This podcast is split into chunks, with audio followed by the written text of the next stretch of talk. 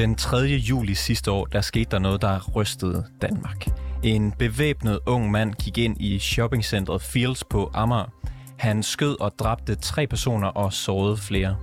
Kort efter der blev han anholdt, og siden der har han siddet varetægtsfængslet på en psykiatrisk afdeling. I dag der får vi lov til at kigge ind i den efterforskning, som politiet har lavet siden da.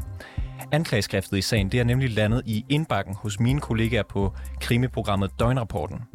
Tidligere på dagen der talte jeg med journalist på Døgnrapporten Søren Bak.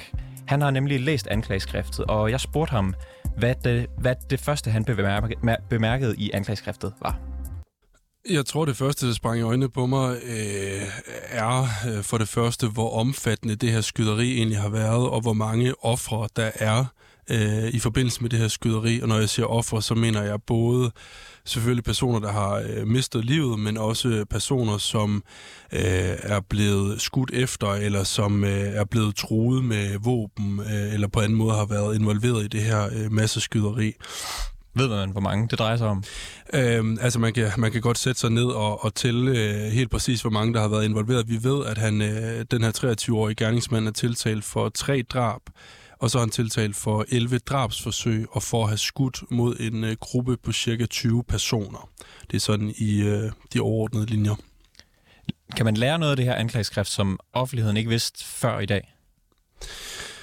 Ja, det, det vil jeg sige, at man kan. Øh, altså man kan sige, det er jo, altså, det er jo ret øh, op, opsigtsvækkende med det her anklageskrift, fordi at det jo er for første gang, at offentligheden får et indblik i, hvad der helt præcist er sket den her dag ifølge politiet.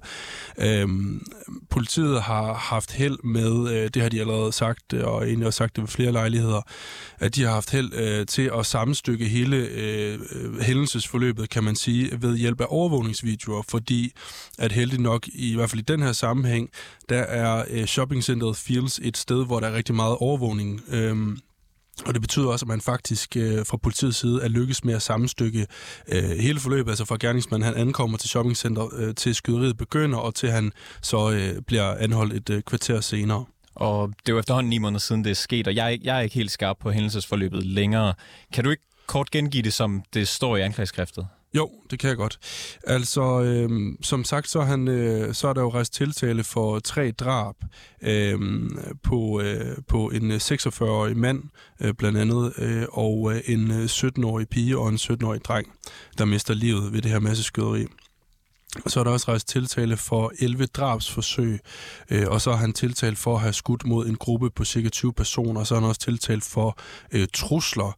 Øh, og det er han, fordi at han sådan rent fysisk har rendt rundt ind i, i øh, shoppingcentret her med en riffel og sigtet på folk, og, og derfor er der også rejst tiltale for det, også selvom han ikke har skudt efter mig noget.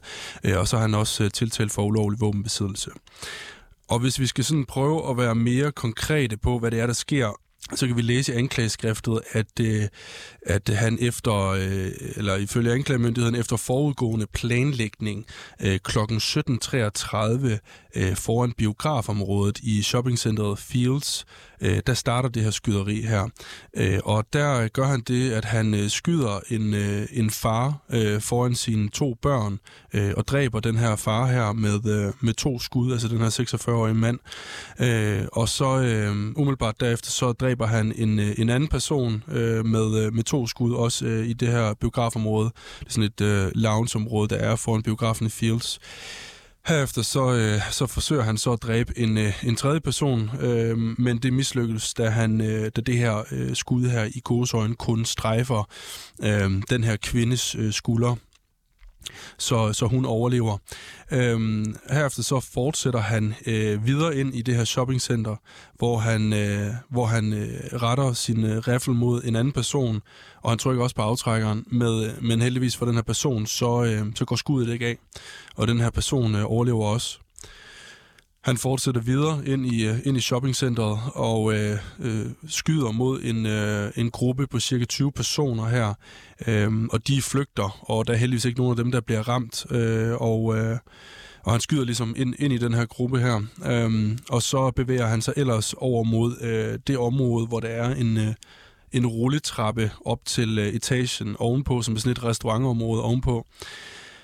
Og øh, her begynder han også at skyde mod de her, der er, en, der er nogle mennesker, der, der er på den her rulletrappe, og han begynder at skyde mod den her øh, rulletrappe, og han skyder ind igennem et øh, glasgelænder, som rammer en person i benet, og, og det her skud her går så ud igennem øh, den her person og, og rammer en anden person også øh, som bliver ramt i ryggen. Og øh, man skal jo forestille sig selvfølgelig, at det her det er jo en fuldstændig kaotisk øh, og, en, og en situation, som de færreste nok kan sætte sig ind i øh, og der er vild panik, og folk øh, løber. Øh, den her rulletrappe her, den kører ned nedad, og, øh, og de her personer og gerningsmanden står nede på, på, øh, nede på øh, stueplan, øh, eller hvor det hen, og, og skyder ligesom opad mod de her mennesker.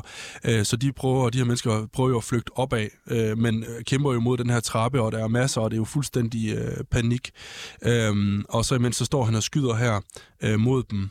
Og øh, der er så også øh, yderligere en, en øh, person, der bliver ramt, øh, øh, hvor at øh, skuddet går igennem lungen og, øh, og ind i ryggen på det andet offer. Og det er så også her, at den tredje person øh, bliver dræbt, øh, da, han, øh, da han netop igen skyder op mod den her menneskemængde, og så rammer øh, det tredje drabsoffer. Øh, og så ved vi, at herefter så tager han så øh, faktisk øh, selv rulletrappen op på næste etage, hvor han så skyder yderligere en person øh, i maven, som øh, bliver hårdt såret.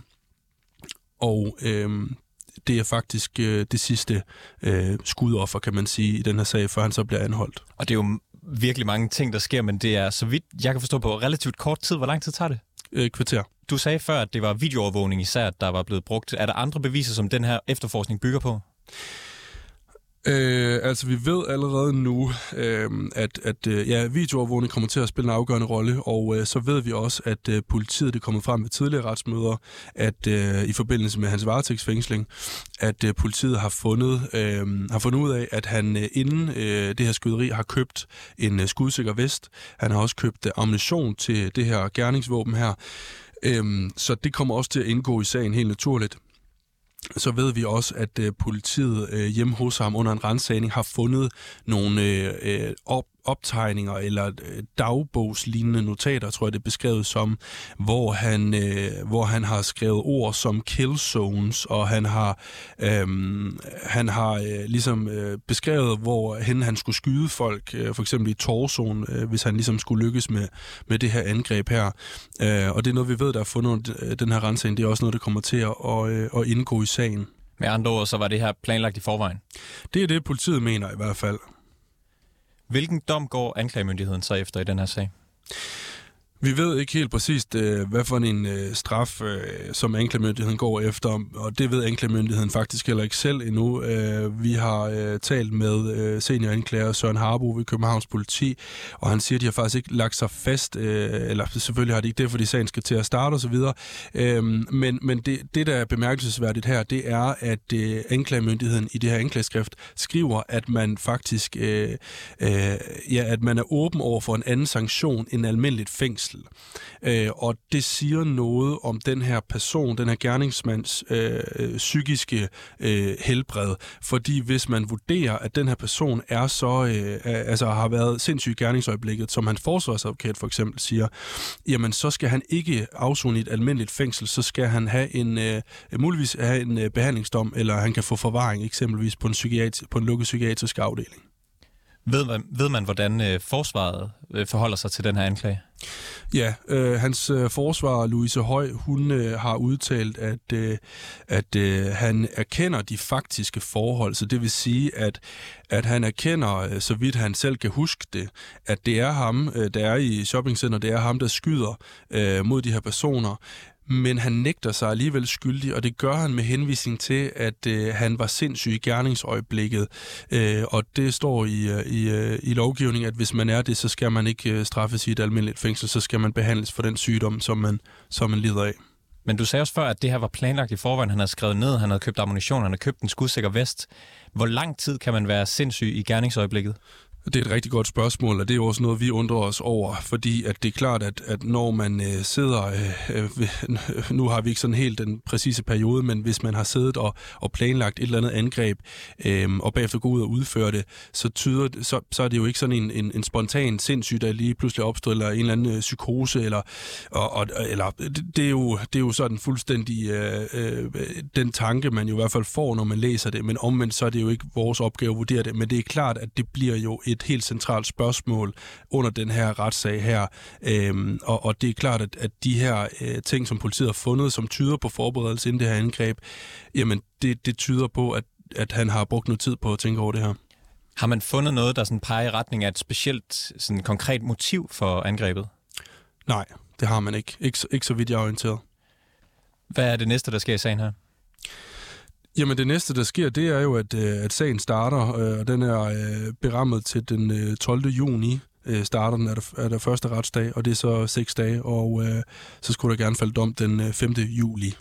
Søren Bak, reporter på Døgnrapporten. Tak fordi, at du var med i programmet. Velkommen. Ja, så lød det altså, da jeg talte med Søren Bak tidligere på dagen. Du har lyttet til reporterne. Mit navn er August Stenbrun, og min redaktør hedder Mille Ørsted.